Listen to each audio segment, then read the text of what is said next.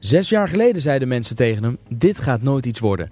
Afgelopen zomer haalden ze 100 miljoen dollar op om een wereldwijd netwerk uit te rollen voor ridesharing op lange afstanden. Oftewel, mensen meenemen in je auto waarmee je de kosten kunt delen. Ik heb het over BlaBlaCar. Vorige week nam BlaBlaCar haar grootste concurrent carpooling.com over. Hiermee verkregen ze ineens zo'n 6 miljoen extra gebruikers, waardoor het totaal aantal gebruikers op zo'n 20 miljoen komt. Ik praat op The Next Web Conference 2015 met de COO van dit bedrijf, Nicolaas Brussen. Mijn naam is Jelle Drijver en je luistert naar een nieuwe aflevering van de Frank Watching Podcast. Okay, I'm um, standing here with uh, one of the founders of uh, BlaBlaCar, and uh, we've just watched your presentation earlier, and there's uh, quite a lot happening in your company recently. Could you tell me a little bit of what happened last week? Yeah, so last week we had a big announcement because we acquired uh, carpooling in Germany, which are which is clearly our biggest competitor in Germany. And historically, it's a very well-known brand in Germany called Mitfahrgelegenheit uh, or Mitfahrzentrale. Uh, so it's a big step for us because essentially it means now we are number one in Germany and we clearly like number one all over Europe. So it was a big step forward for, for BlaBlaCar and for ride sharing. Yeah, because now you have about 20 million users. No, 20, 20 million users.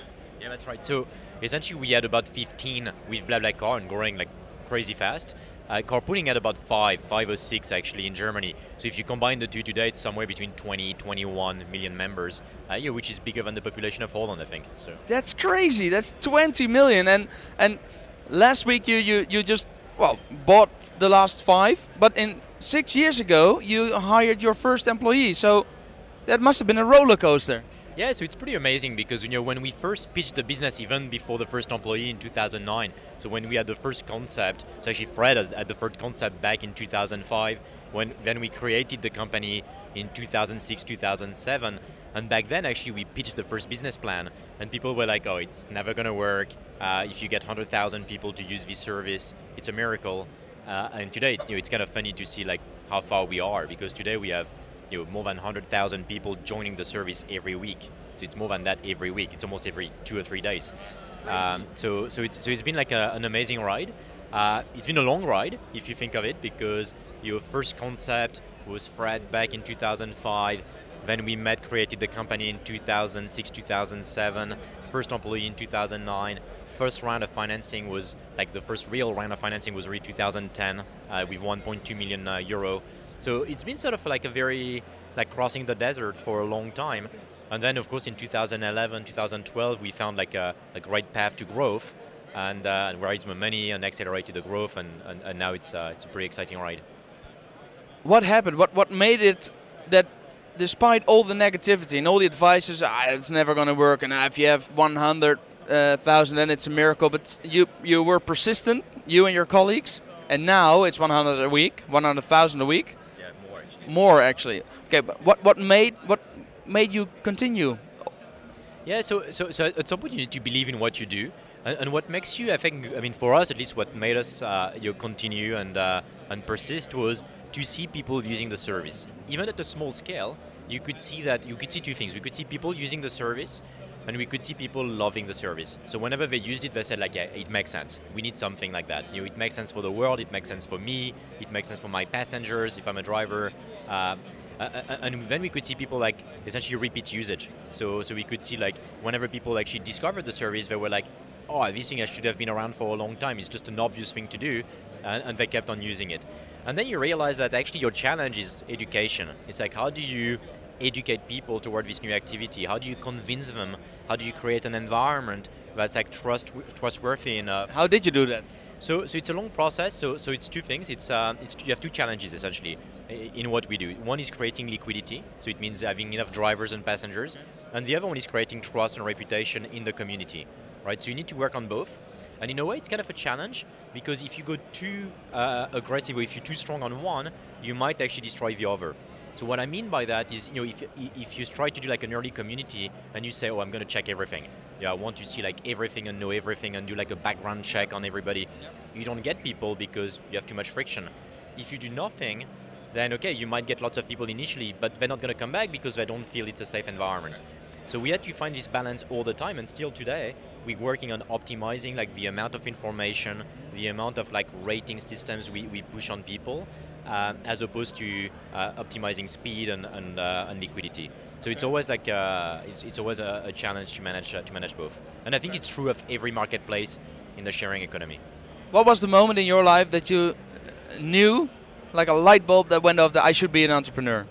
So f- for me, it probably it came pretty early actually. So so it came when um, so actually I was studying physics uh, in uh, in France, and I finished my studies in the US, uh, and uh, so I ended up in 99 2000 in the US, and I ended up uh, actually at some point in Berkeley, uh, which is like you know part of the Bay Area, Yeah. not far from Silicon Valley.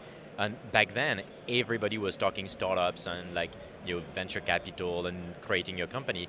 And frankly, I knew absolutely zero and you have to put that back in the 99 2000 context where it was not like now where you have like you know these amazing conferences with like tons of entrepreneurs and investors and so on it was quite new in europe uh, so i knew nothing about venture capital nothing about startups nothing about anything and, and I was lucky enough to fall into into that sort of like crazy atmosphere in Silicon Valley in 99 and 2000 joined a startup, joined another one, uh, ended up having like a crazy ride of like building a company. Company went down, went bankrupt. We had to restart the company. Yeah, so it was like a, a an amazing um, experience because I joined as employee like 30 something.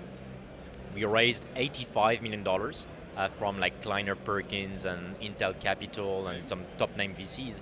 Uh, we went from like 30 to like 150 employees in 2000, early 2001, and then came 9/11, came like the biggest downturn in tech uh, in tech history almost, uh, and we had to lay off, lay off, lay off, and we went from 150 employee to 10 employees, and I was one one of the survivor, and we had to restart the company, and uh, and you know we did that pretty well, and the company went from 10 to again like hundreds actually uh, when uh, when I left in 2006, and after that I always wanted to be part of this whole in a way like you know entrepreneurial startup and uh, and venture capital ecosystem, and I've never left right. So.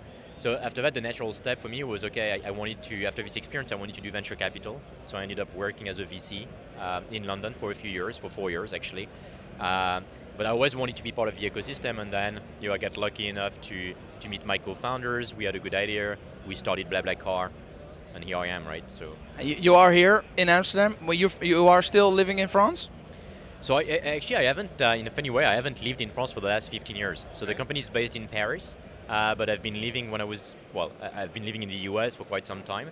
And since I came back in Europe, I've been living in London, uh, and a mix of London and Brussels, actually, because my wife is in Brussels.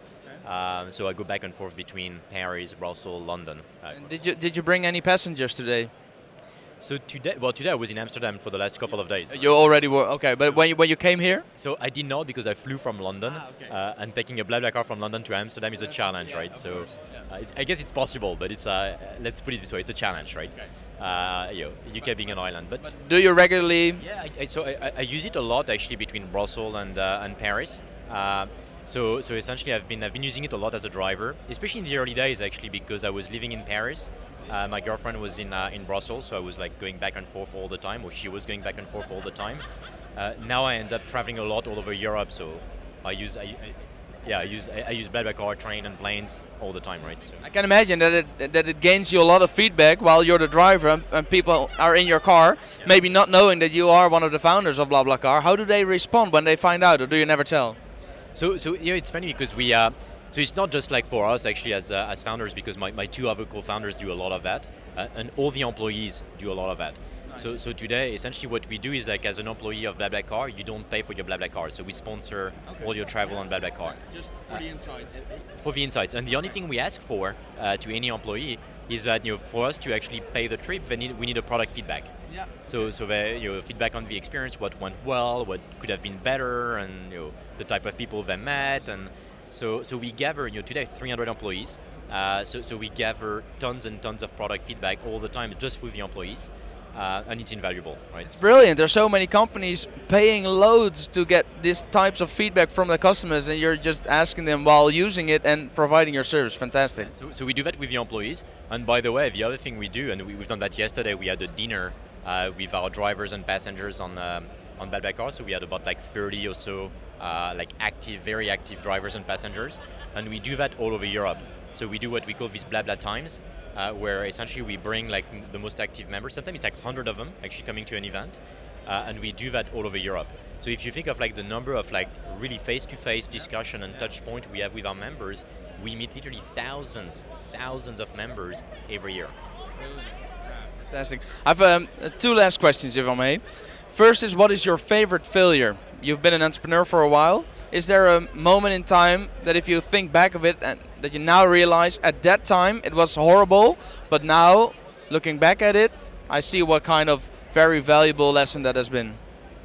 So know, I, I don't think I have like a favorite failure in a way. I mean, to me, like the, it's more like a category of failures. So whenever you fail because you try something that could have a big impact, uh, it's it, in a way it's a good failure. So so we have as part of the ten values. So we have ten values in the company. I saw them, yeah, and yeah. yeah so we have one that's fail, learn, succeed. Yeah. So so in a way you, you need to keep on failing, and when you fail because you try something that can have an impact, whatever the impact is, it could be like a, a growth impact, it could be a quality impact, a trust impact, it could be I don't know a revenue impact, it could be whatever. Uh, but whenever you think it can have an impact, we owe as a startup, as a fast-growing startup, you owe to try. So so for me, like you know, any failure uh, I don't have, I cannot like point to one specifically because typically it's more like a collection of small things uh, that you fail. Uh, you know, thank God we haven't like that big failure. Big yeah. failure could be a bit of a, a bit of a problem. Uh, but you know, this collection of failure is what makes you know a startup a startup, and that's what makes us innovative essentially. What I really liked from your uh, sheet of um, um, um, values was done is better than perfect. Yeah, and this one, this one is one that you know that's shared by several companies. I think Facebook has um, has the same value, uh, and to me, this one is more of an execution type uh, value. So, so it's all about you know, for companies like us, you, you cannot be perfectionist uh, because otherwise you don't move, and someone else is going to move faster. So at some point, and it's part of the the failure question. Uh, essentially, you need to move fast. You need to try fast, and it means you you know at some point it's going to be 80% perfect. Now, you know, the, the thing about ju- to me, it's all about judgment. So, so there are areas where you need to be 99% perfect. There are areas where you can be 70% perfect. So whenever you do something that has to do with like your high legal implication, high trust implication, yeah, of course you need to be, you know, it's not just done is better than perfect. You'd better get it right because it's not reversible. So to me, the key notion I have with the team is uh, impact and reversible versus not reversible. And whenever something has like low impact and is reversible, people should try whatever they want and feel like, eh, to some extent, because in a way it's, it's not very high impact, it's reversible. If it's reversible and high impact, think about it, but you should try because it means even if you if you screw up, yeah. you're not going to kill the company. So and if you succeed, then you can have a high impact. And then the, the only area where you need to think like really hard and, and you need to be perfectionist is non-reversible high impact. Okay. So yeah. so if you think like because I can kill you. Yeah. Last question: Is there a management book or a business book that you can really recommend? What's your favorite or most inspiring business book? Do you have one in mind? So I have, you know, I, I, I have several. I, I mean, I, I love the. Um, which is kind of a business book like the Black Swan and the, the first, uh, you know, all, all, the books about statistics that you wrote. Yeah. Uh, because essentially it's uh, the best book actually that um, that was written on that was his first book, which was called like Fooled by Randomness. Fooled by Randomness. Where it's fooled by randomness, and it's a, it's a great book about like how you can because we're very data driven as a company because we have so many members, so many actions, uh, and at some point data can actually kill you as well because you end up like being uh, you know, overflown or you have too many data to deal with. And, and, then you have this like crap in, crap out culture yeah. where you get tons of data, you analyze data, and you make stupid decisions based on data you don't understand anymore. And, uh, and this book is great because it's about all the rationale of data and how you treat data. Uh, so I recommend that like for most businesses where you deal with tons of data and you want to be analytical and make analytical driven uh, decision, read this book. Fooled by Randomness. Thank you very, very much for your time. Bye bye. Thanks. Op de Next Web Conference 2015 sprak ik onder andere met Nicolas Brussen, co-founder van BlaBlaCar, Adam Somlai Fischer, co-founder van Prezi.com, Samir Patel, growth mentor bij 500 Startups, Karin Huslagen, voorheen hoofdredacteur bij Sprout en nu werkzaam bij RTL Z en ook met haar opvolger bij Sprout, Remy Ludo Gieding. Gary Shapiro, auteur van het boek Ninja Innovation, Menno Stam van comedyplatform Badaboom, Suzanne Afman van Meld Icepops, Willem en Matt, de founders van taxideel-app Yeller, Frankwatching-auteur Carlien Laarman over bedrijfsanimaties, Warren Hammond en Albert Dijkstra van 360 Social, Wendy Hoenkamp van Webby with a Cause, Irina van Payment Wall, Sergey van Mediametric, founders van Elephone, Ariel en Bob, Moussa van Bridge, mensen van Binoric over een nieuwe Boom Boom speaker microfoon, Guy van Videotool Storygami, Jan-Willem Onderwater en Martijn Licht van No Shirt en Silvia Rogovic van Flony. Kortom, ik heb knijterveel inspirerende mensen gesproken en al die gesprekken kun je binnenkort hier terugluisteren bij Frank Watching. Abonneer je dus snel via iTunes, Stitcher Radio, TuneIn en kijk voor meer informatie over deze podcast op frankwatching.com slash podcast en voor meer informatie over mij op jelledrijver.nl. Stuur ons je tweets op @frankwatching of op @jelledrijver en dit was hem dan weer. Tot de volgende podcast.